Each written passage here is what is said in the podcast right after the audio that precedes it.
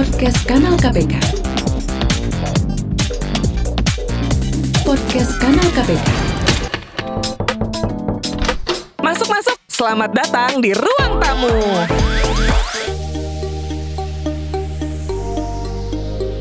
Oke, halo kawan aksi. Ketemu lagi di podcast kanal KPK. Sekarang kita kembali ke program Ruang Tamu. Nah, seperti biasa, di Ruang Tamu ini kita selalu kedatangan teman-temannya KPK tuh yang selalu aktif eh, dan terlibat gitu dalam setiap usaha-usaha pemberantasan korupsi di Indonesia.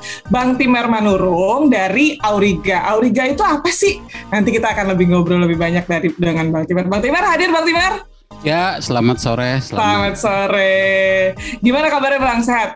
Sehat, sehat. Alhamdulillah sehat. di tengah Alhamdulillah. di tengah COVID sekarang kita harus melihara harapan juga. Aduh, biar imun makin tinggi ya Bang ya. Itu sudah, itu sudah. Oke, nah kawan aksi karena sekarang ini kebetulan bersama Auriga, jadi udah udah otomatis banget nih kita akan ngebahas yang namanya sumber daya alam. Nah, kenapa sumber daya alam? Emang sumber daya alam tuh bisa dikorupsi ya? Nah, ini dia. Dari KPK sendiri sebenarnya sudah ada beberapa gerakan yang eh, disebut Gerakan Nasional Penyelamatan Sumber Daya Alam GNPSDA atau singkatannya.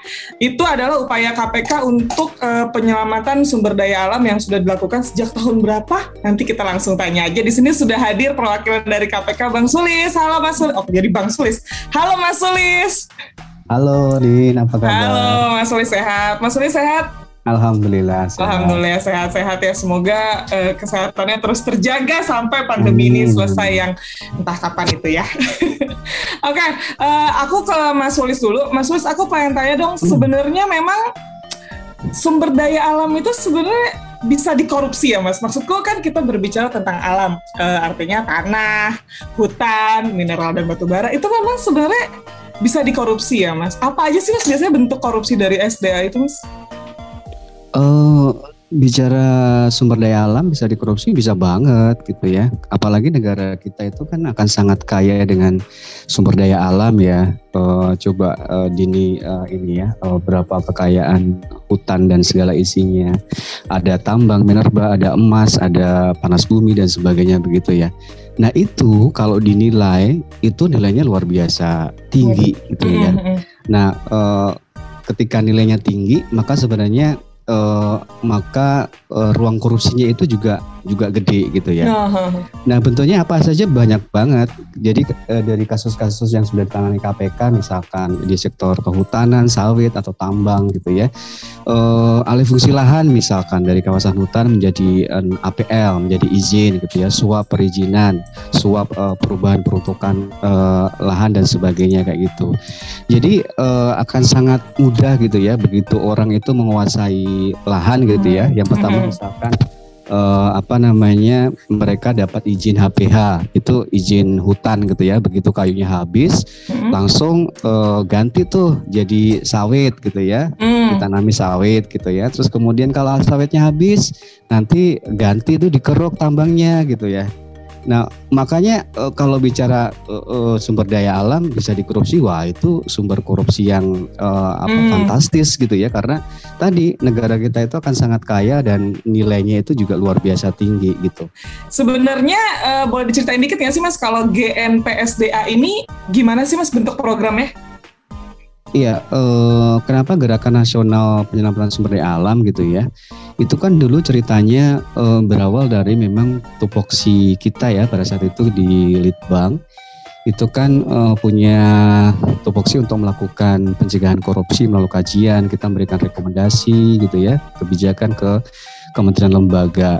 Nah, eh, pada saat itu kita pendekatannya hanya fokus kepada KL yang kita kaji gitu ya. Padahal kalau bicara apa namanya sistem yang lebih besar itu sangat related itu antar KL gitu ya bicara lahan Mhm. misalkan kita nggak bisa eh, dengan KLHK saja tapi juga dengan eh, Kementan yang sawit terus kemudian SDM yang tambang dan sebagainya Mm-mm. Nah, eh, maka kemudian dari situ eh, apa eh, kita mencoba mengkolaborasikan antar KL begitu ya.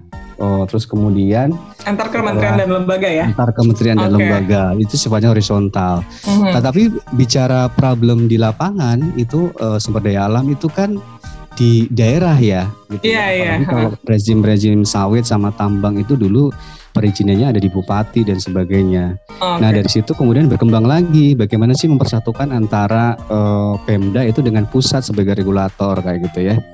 Nah eh, gerakan itu semakin meluas eh, dan ini sebenarnya eh, sesuai dengan amat undang-undang eh, eh, KPK juga bahwa eh, pemberantasan korupsi itu harus melibatkan peran serta masyarakat. Maka kemudian di 2015 gitu ya Mhm. kita eh, mengkolaboris mengkolaborasikan eh, kementerian lembaga 27 kementerian lembaga 34 provinsi pada saat itu termasuk juga masyarakat sipil. Hmm, hmm, hmm. Nah, nah eh, kenapa kemudian dinamakan gerakan nasional gitu ya harapannya Oh, Oke. itu semua elemen bangsa gitu ya tidak hanya KPK tidak hanya KL Ikut terlibat di itu dalam juga itu ikut ya. terlibat Hmm, berperan hmm. dalam upaya eh, pemberantasan korupsi dan penyelamatan sumber daya alam gitu ceritanya. Oh gitu. Itu 2015 ya Mas. 2015 yang 27 tapi sebelumnya di 2013 itu eh, ada nota kesepakatan bersama 12 kementerian lembaga terus kemudian gitu, luas oke, oke. lagi di 2015 itu 27 kementerian lembaga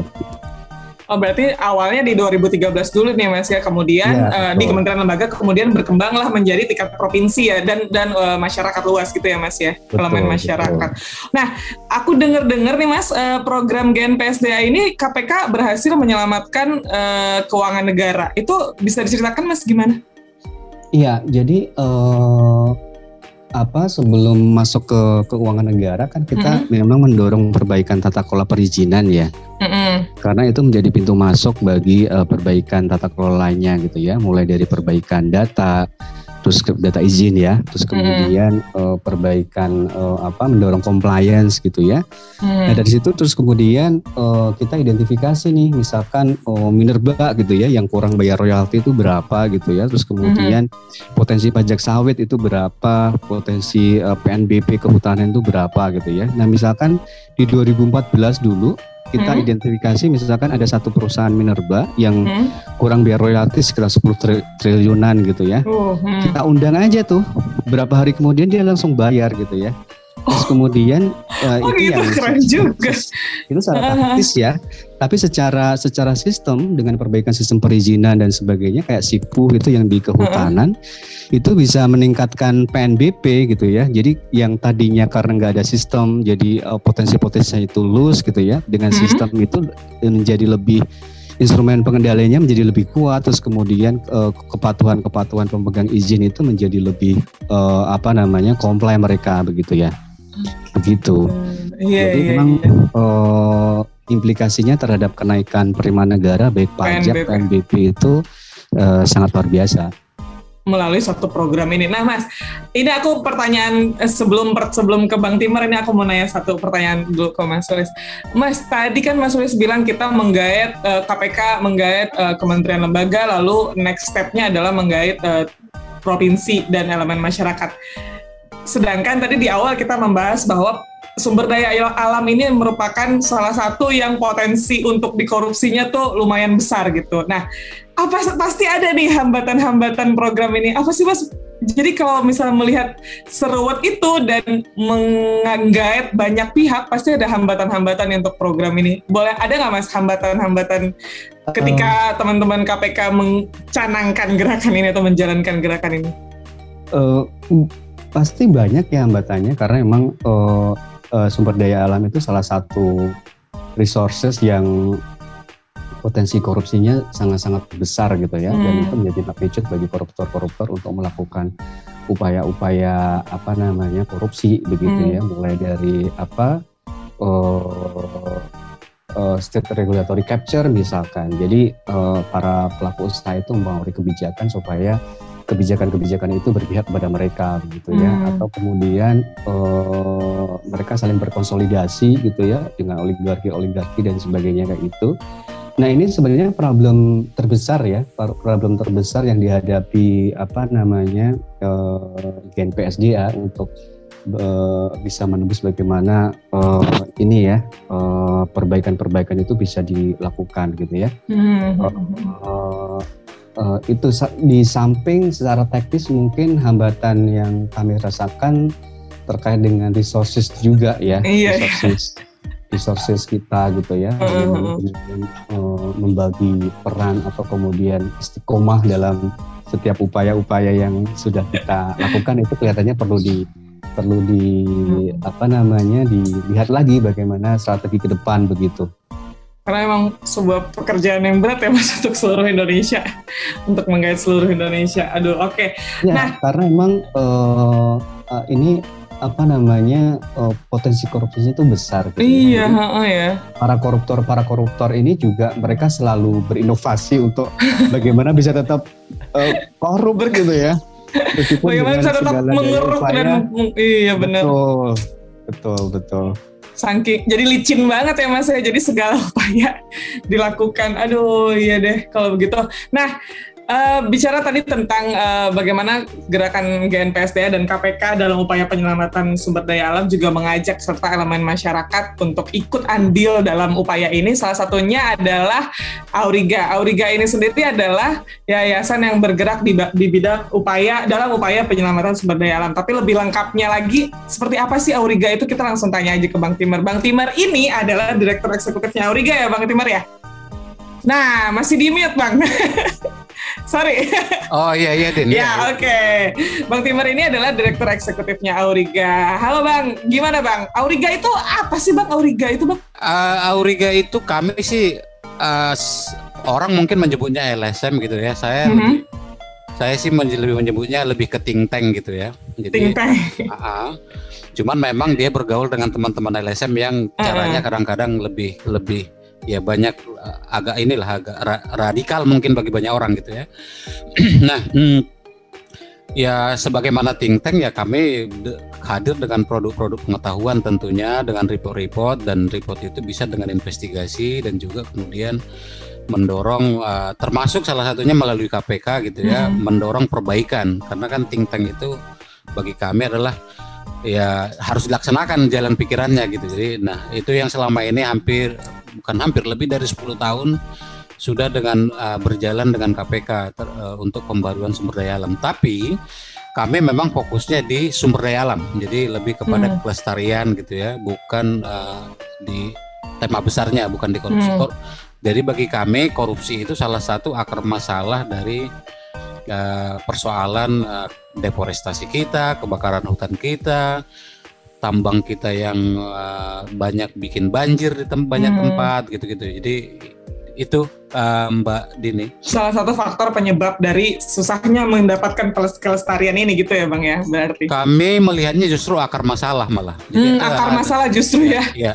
karena ada kajian di negara-negara yang memiliki hutan lebih dari 500 ribu hektar, sementara Indonesia kan hutannya 100 jutaan hektar kalau Hmm. kami. Tutupan hutan kita 98 juta hektar kalau kami mendatanya gitu. Lewat citra satelit. Hmm. Nah, dari negara-negara itu justru deforestasi itu lebih tinggi lebih karena korupsi daripada per- daripada pertambahan penduduk. Waduh. Jadi kalau kita menyelesaikan korupsi bisa jadi memang kita lebih dari separuh menjawab persoalan eh, apa namanya penyusutan hutan kita atau deforestasi kita atau masalah lingkungan-lingkungan kita. Karena Mhm. apa? Nah di situ sebenarnya letak korupsinya. Jadi kalau kalau saya sih mungkin dalam konteks teman-teman eh, orang hukum melihat korupsi itu kan dilihatnya tindak pidananya saja gitu ya. Jadi kalau kami dulu ketika kita misalnya mendorong NKB 12 KL, kita memakai terminologi bukan korupsi tapi koruptif. Hmm. Jadi bersifat korupsi. Jadi apa yang menjadi pengikatnya adalah bahwa untuk kepentingan publik, ketika kepentingan publiknya termasuk pengelolaan hutan tidak dilaksanakan ke sana berarti bagian dari koruptif. Apakah dia tindak pidana korupsi? Nah, nanti di peradilan lah ininya. Apalagi di Indonesia kan tindak pidana korupsi hanya yang menyangkut ke penyelenggara negara gitu. Iya. heeh. Nah, jadi memang uh, tapi bagi kami secara filosofis melihatnya itu adalah ya koruptif tadi kalau misalnya Hmm. dia bukan untuk untuk demi pasal 33 Undang Dasar 45. Nah, kalau dari eh, teman-teman catatan teman-teman Auriga sendiri, sebenarnya celah untuk korupsi di bidang sumber daya alam tuh dari mana aja sih, Bang? Oh, banyak sekali, banyak sekali. Hmm. Misalnya gini, uh, misalnya uh, Mbak Dini kalau melihat satu kapal batu bara misalnya, Ya. Mbak Dini yakin nggak itu bahwa semua royalti ke negara sudah dibayar sesuai dengan jenisnya, volumenya, sehingga kemudian volumenya aja beda, itu kan akan, akan kemudian berimbas pada lebih rendah kepada penerimaan negara kan. Nah kalau ini nggak benar dilaksanakan kan bagian dari koruptif tuh. Kalau kemudian dalam konteks tindak pidana, maka kemudian adalah itu tindak pidana korupsi kalau dia ada keterlibatan penyelenggara negara di sana kan gitu. Iya iya. Nah sama dengan ketika hutan ditebang, apakah hutan ditebang itu untuk misalnya ambillah untuk uh, eh, HPH untuk nebang kayu, hmm. apakah dia sudah menyebutkan jenis kayunya secara benar atau volume kubiknya, jumlah kubiknya? Kalau dia kemudian sebenarnya kayu satu kayu ditebang 10 kubik, tapi dilaporkan 8 kubik, korupsi bukan? Nah yang begini-begini nih sebenarnya mungkin kedengarannya simpel ya bang tapi ternyata itu wah gitu ya ternyata ya maksudnya kayak dari ya benar tadi yang seperti yang Bang Timar bilang aku juga baru kepikiran kayak misalnya motong kayu terus ternyata sesederhana sesimpel ya saya kayu di hutan ini yang dipotong dapat 100 gitu. Nah, apakah hmm. benar yang dilaporkan itu benar-benar 100 atau jangan-jangan cuma 80 gitu ya, Bang ya? Iya, dari sisi jenis saja. Kalau misalnya yang ditebang ramin itu kan justru lebih mahal daripada dia tebang misalnya meranti. Iya iya iya. Nah nanti ketika laporannya disebut meranti kan udah dia berpengaruh. Iya udah udah beda, iya udah iya beda dong, tuh. Iya dong. Jadi oh makanya uh, makanya tadi Bang Timar jadi nyebutnya itu sebagai koruptif ya Bang ya, ya, ya. uh, sikap dan perilaku koruptif. Wah itu eh, ini pertanyaan yang uh, kira-kira Indonesia bisa rugi berapa itu Bang? Kalau misalnya yang disebut sulis tadi uh, konteksnya misalnya kita ambil tambang. Tahun 2015 ya Lis ya? Ketika korupsi Minerba saat itu pada tahun itu adalah harga batu bara turun sampai 30% dari harga normal. Mm. harga tambang saat itu turun lalu kemudian volume juga pada saat itu dengan korupsi minerba yang didorong KPK itu sampai ribuan izin tambang dicabut. Artinya volume produksi meningkat eh menurun jauh drastis karena ribuan ditutup dan harga turun. Tapi mm. tapi apa yang terjadi sesudah korupsi Minerba? Penerimaan negara justru naik 10 triliun. Kebayang kan? Iya, kebayang iya, iya, sebenarnya iya. Ke, kebayang berapa besar kita setahun-tahun sebelumnya tercoleng kan? Coba bayangkan kalau dia harga normal kali tiga kali lipat. Artinya bisa jadi 30 triliun, 20 triliun hanya dari dari tambang kajian yang dilakukan teman-teman di bank itu uh, 7 triliunan untuk kayu per tahun pada saat itu, pada tahun-tahun itu yang kita kehilangan gitu. Besar, besar sekali, besar sekali. Dan ini ini ini bicara kita masih ngomong keuangan loh ya. Kalau hmm. kita melihatnya ke pasal 33 kan kualitas udara itu menjadi bagian dari perekonomian kan ketika banjir yang kita lihat kan tidak hanya orang kehilangan mata pencarian, tapi kemudian orang keterimbas macam-macam kan. Termasuk negara harus bikin program penanggulangan kebanjiran. Uangnya iya. mana? Nah, korupsi ini menurut saya dalam sumber daya alam dampaknya luar biasa. Jadi tidak bisa sekedar bicara mengukur keuangan sesaat. Iya, iya. Karena ke mana-mana ya bang dampaknya iya tuh banyak jadinya gitu. Iya. Oh iya benar-benar. Ketika misalnya COVID apa hmm. apa hubungannya dengan korupsi? Karena kemudian COVID itu pada saat sekarang yang paling dari kajian-kajiannya kan yang paling dekat dia dari dari kelelawar. Hmm. Kelelawar kenapa bisa? Karena dia di, di, di, di, diperdagangkan. Mestinya kan ketika ada pengaturan yang jelas, kita nggak mengalami COVID kali kalau kemudian kita melakukan secara benar proses perdagangan satwa misalnya gitu. Karena kemudian banyak kemudian pasar ilegal, kita nggak punya deteksi, kita nggak punya, lalu kemudian kita dapat COVID saat ini. COVID ini adalah bagian dari salah satu ekses.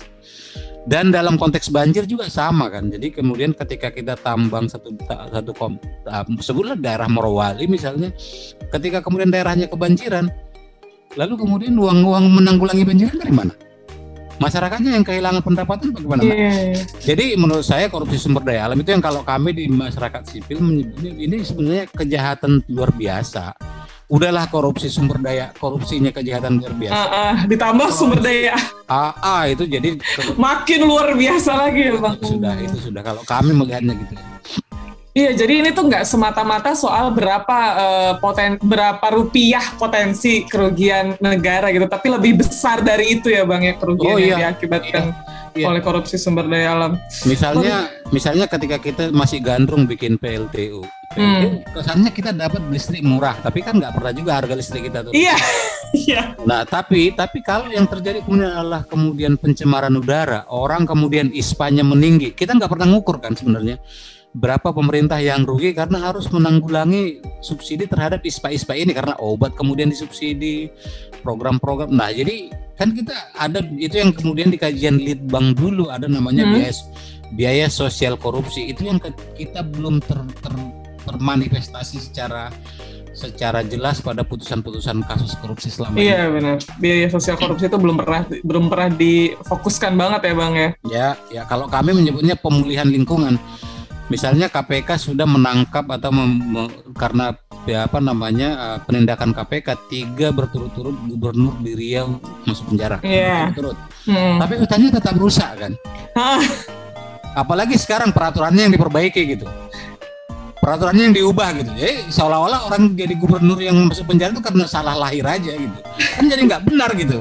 Nah Justru yang kami kami saat ini sedang mendorong mainstreaming pemulihan lingkungan dalam uh, ke kejahatan sumber daya alam. Jadi hmm. yang harus kita ukur pulihnya lingkungannya bukan sekedar dapat 200 miliar dari Suwarna kasusnya Gubernur Kaltim misalnya, tapi hutannya rusak juga. Yang hmm. ngapain? Maksudnya iya, kadang-kadang yeah, yeah, gitu ya.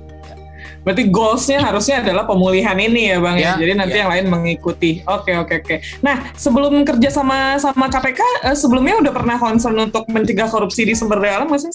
Uh, enggak, karena saat itu memang 2010 ya. Jadi 2010 hmm? juga masa-masa uh, bulan madu KPK ya saat itu si baru. Hmm. Jadi uh, dan ke isu korupsi sumber daya alam kan kemudian seiring dengan KPK juga. Jadi memang oh, iya. memainstream korupsi sektor sumber daya alam kami memang dengan KPK sejak 2010. Sebelumnya oh. ada beberapa dengan uh, ketika zaman pimpinan jilid satu ada beberapa kasus, tapi itu lebih kepada penindakan.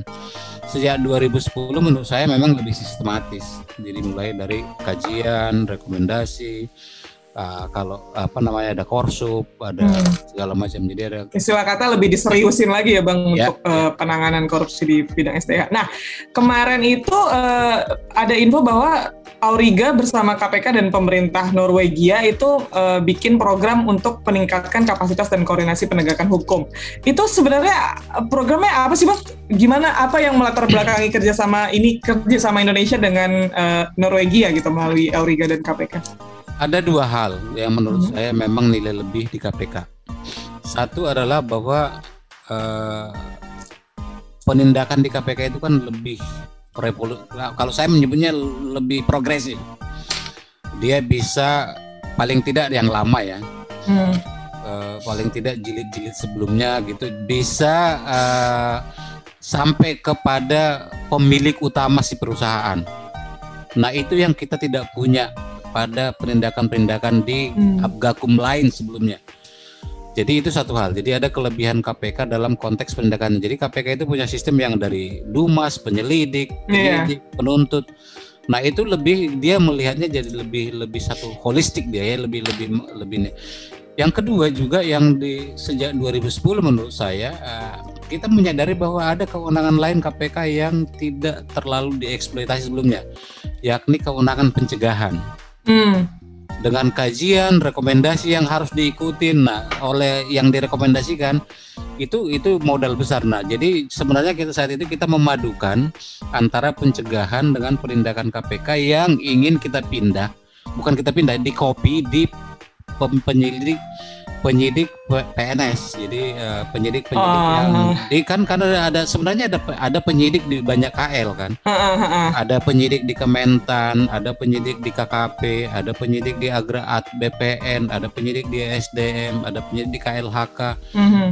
ada lebih ada belasan ada lebih dari 10 KL yang punya penyidik harusnya ini kan kalau kalau ini semua kolaboratif kita pemberantasan kejahatan sumber daya alam dan ke, dan lingkungan itu menurut saya sebenarnya bisa lebih progresif lagi. Kita akan bisa menyelamatkan sumber daya kita uh, lebih besar gitu.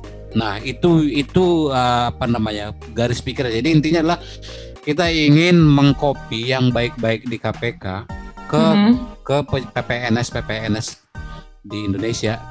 Itu itu inti intinya Mbak Dini. Nanti kerjasama dengan KPK ya, Bang. Ya, ya. Nah, aku pengen balik ke Mas Sulis. Mas Sulis hadir? Oke, Mas, aku pengen balik sedikit ke eh, Mas Sulis. Tadi kan kita berbicara tentang tentang mengajak eh, kementerian, eh, lembaga dan beberapa provinsi untuk ikut andil dalam gerakan nasional upaya pemberantasan korupsi ini.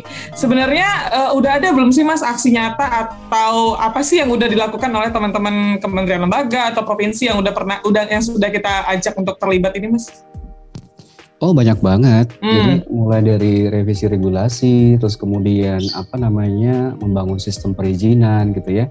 Kalau di KLHK itu ada SIPU, di Minerba itu ada MOMI, Miner, Minerba One Map Indonesia, di Hmm. Sawit juga ada Siperibun gitu ya. Dan eh, sekarang dengan Stranas itu juga lagi proses apa namanya mendorong implementasi kebijakan satu peta itu di lima provinsi Riau, Kalteng, Kaltim, Sulbar sama Papua gitu ya. Mhm. Terus kemudian yang kemarin itu juga inisiatif dari Pemda sendiri itu juga Papua Barat misalkan itu melakukan evaluasi eh, perizinan perkebunan sawit gitu dan Hmm. dan eh, luar biasa sih menurut saya. Jadi eh, meskipun eh, KPK tidak intens begitu ya, tapi eh, ternyata eh, di lapangan mereka tetap jalan begitu. Berarti bisa dibilang eh, sejak adanya gerakan ini banyak kemajuan ya Mas ya Iya. terkait ini eh, terkait koordinasi penegakan hukum. Iya, setidaknya dari sisi tata kelola gitu ya, itu ada perbaikan yang signifikan gitu ya. Misalkan soal eh, sistem eh, pengendalian gitu ya, instrumen pengendalian itu udah mulai ini ya lebih bagus, sistem pelayanan publiknya udah bagus, penerimaan negaranya udah mulai eh, meningkat gitu ya. Eh, tapi lagi-lagi memang eh, problem terbesar di korupsi di sektor sumber daya alam itu adalah persoalan state capture juga gitu ya. Bagaimana kemudian regulasi-regulasi yang ada itu didorong untuk segelintir kepentingan Hmm. eh, apa eh, kepentingan se- segelintir eh, eh, orang gitu ya atau kelompok tertentu gitu ya. Yang itu yang kemudian eh, apa bisa bisa membajak atau istilahnya ya itu bisa mengalihkan dari eh, tujuan utama di pasal 33 itu sebesar-besar kemakmuran rakyat begitu. Oh, iya, iya. Nah, kalau Bang Timer sendiri sebagai elemen masyarakat, Bang, bagaimana Bang Timer melihat eh, upaya KPK dalam penyelamatan sumber daya alam ini, Mas? Masih di mute, Mas. Sorry. Oke, Eh, siap. Bang, jadi Mas deh tuh. Ya, menurut saya memang itu yang kita kita eh, saya harus mengakui bahwa kita situasi penuh tantangan saat ini, Mhm. baik di internal KPK-nya karena undang-undangnya yang berubah dan eh, internalnya gitu ya, tapi juga secara makro gitu. Jadi eh, saya melihatnya saat ini justru Indonesia masalah terbesar saat ini adalah korupsi politik. Karena eh, nah tapi kemudian apa ya yang dilakukan KPK menurut saya udah apa udah di luar di atas harapan ya. Jadi eh, eh, karena itu men- seperti yang sampaikan Sulis tadi adalah bahwa meski KPK nggak hadir secara fisik, tapi spiritnya ada. Perbaikan itu dilakukan tetap gitu. Nah bahwa persoalan kita masih ya ya ya begitulah. Selalu mungkin itu tantangan kita ke depan. Gitu Mbak Dini. Oke, wah ternyata ngomongin potensi ke- kerugian sumber daya alam dan potensi korupsi di sumber daya alam tuh ternyata yang tadi kita tangkap adalah besar banget eh, dan ternyata memang nggak semata-mata soal uang ya kawan aksi. Ini tuh korupsi kalau di eh, sumber daya alam nggak semata-mata soal uang nggak semata-mata soal berapa sih kerugian negara secara rupiah nggak semata-mata soal itu dan ternyata eh, banyak hal yang bisa terjadi jika eh, sumber daya alam tersebut dikorupsi. Nah, Eh, aku mau closing statement aja nih dari Bang Timer dan Mas Kulis. Sebe- em, Bang Timer duluan deh. Sebenarnya apa sih Mas yang bisa masyarakat atau kawan aksi di rumah lakukan untuk eh, membantu Auriga, membantu KPK untuk mencegah korupsi di sumber daya alam, Mas? Yang pertama menurut saya adalah aktif melaporkan. Hmm. Jadi ketika ada hal-hal yang berbeda dari kepentingan umum, Mhm. menurut saya dilaporkan paling tidak itu eh, bisa jadi ada karena bisa jadi itu tidak tidak semata karena dilakukan secara kesengajaan. Kadang-kadang ada dan kemudian karena kita diamkan itu menjadi kebudayaan Hmm. dan Menurut saya itu yang pertama. Yang kedua aktif juga membantu uh, pemerintah dan termasuk KPK dan uh, Abgakum untuk uh, pemberantasan korupsi sektor sumber daya alam ini gitu. Nah, yang ke berikutnya adalah ya menyuarakan. Kalau saya sih dari sisi masyarakat sipil. Iya betul. Tuh, ah, ah, ah. Jadi hal sederhana, hal paling sederhana yang masyarakat bisa lakukan untuk uh, membantu upaya pencegahan korupsi sumber daya alam ini adalah melaporkan ya mas. Ya, Ikut melaporkan kalau uh, kawan aksi menemukan dugaan, wah ini kayaknya dikorupsi nih gitu. Nah laporin aja dulu ya mas masalah nanti ternyata iya atau enggak, nanti bisa ditelaah lebih lanjut gitu ya bang Timur ya. Atau atau selama lemah iman posting aja di medsos. Posting aja dulu. Sekarang kan media sosial, the power of social media dia kan mas katanya gitu. Nah sesederhana itu kawan aksi. Nah kalau Mas Sulis eh, gimana Mas? Apa yang hal sederhana apa yang bisa masyarakat lakukan untuk membantu KPK? Iya, sebenarnya uh, hampir sama dengan Bang Timer ya. Tapi sebenarnya membangun kesadaran gitu ya, hmm. kesadaran bahwa uh, di sekitar kita itu banyak kejadian-kejadian korupsi gitu ya. Sebenarnya kalau kita tidak selfish gitu ya, oh ngapain saya mikir-mikir uh, korupsi di apa namanya bansos, dong saya nggak dapat bansos misalnya. Yeah. ngapain saya uh, apa namanya mikir-mikir soal korupsi di kehutanan gitu ya. Uh -huh. uh, mungkin dalam dalam dalam apa namanya uh, jangka pendek gitu ya itu nggak terdampak kepada kita misalkan. Uh -huh. Tapi sebenarnya tadi uh, kalau bicara korupsi di, di sektor sumber daya alam itu dampaknya itu tidak hanya kerugian negara gitu ya. Hmm. Dampaknya adalah uh, apa namanya lingkungan kita, sumber daya alam kita, bahkan untuk uh, kesinambungan generasi ke depan begitu ya. Bagaimana hmm. kalau uh, apa dengan korupsi itu uh, kita hanya ditinggalkan lubang-lubang tambang, hutan gundul, uh, iklim yang tidak apa namanya udah sudah berubah begitu hmm. ya. Nah, uh, membangun kesadaran uh, itu itu penting gitu ya. Uh, kalau kemudian kita sudah aware, kita sudah sadar tadi seperti yang disampaikan uh, Bang Timer gitu ya. Hmm. Uh, zaman sekarang itu medianya sangat terbuka, sangat luas gitu ya. Uh, sekecil apa pun gitu ya, uh, uh, apa itu bisa jadi uh, kalau kemudian terakumulasi hmm. uh, dengan yang lebih besar itu uh, akan akan akan berdampak yang lebih uh, besar juga gitu ya. Jadi, jadi uh, jangan sampai kemudian nggak peduli karena merasa nggak hmm. terdampak langsung gitu ya. Hmm. Uh, uh, saya minta teman-teman atau kawan aksi udah mulai membuka mata, membuka telinga gitu ya, uh, aware terhadap uh, setiap kejadian di sekitar uh, kalian gitu ya. Dengan segala uh, media kapasitas yang kita punya, kita bisa berperan kok, gitu sekecil apa pun hmm. itu. Karena ya tadi uh, kita harus membangun uh, ini ya uh, apa namanya sesama orang-orang baik dan peduli gitu kita hmm. harus bersatu gitu ya. Kalau enggak ya kita akan di apa namanya akan tercerai-berai oleh kekuatan orang-orang yang jahat yang bersatu gitu. Uh, jadi benar ya Mas, jangan sampai kalau mentang-mentang uh, aku di Jakarta, aduh aku nggak peduli deh sama hutan di Kalimantan orang jauh, jangan sampai seperti itu ya Mas ya. Betul. Benar-benar kita harus pertama harus aware, harus peduli walaupun uh, kita di sini, hutan di sana, tapi kan nanti efeknya akan panjang dan mungkin bukan tidak mungkin kita juga akan menerima efeknya gitu seperti yang tadi Bang Timur uh, bilang climate change segala macam.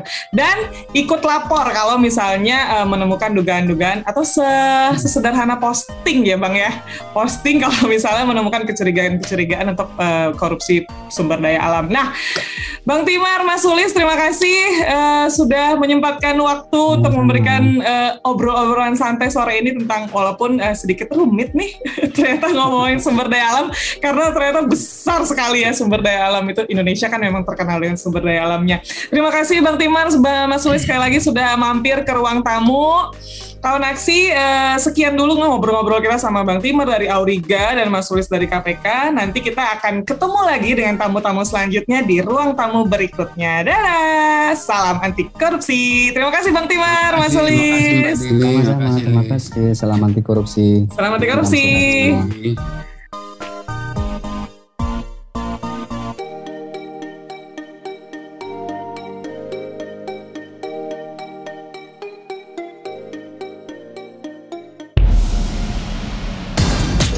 Podcast Kanal KPK. Podcast Kanal KPK.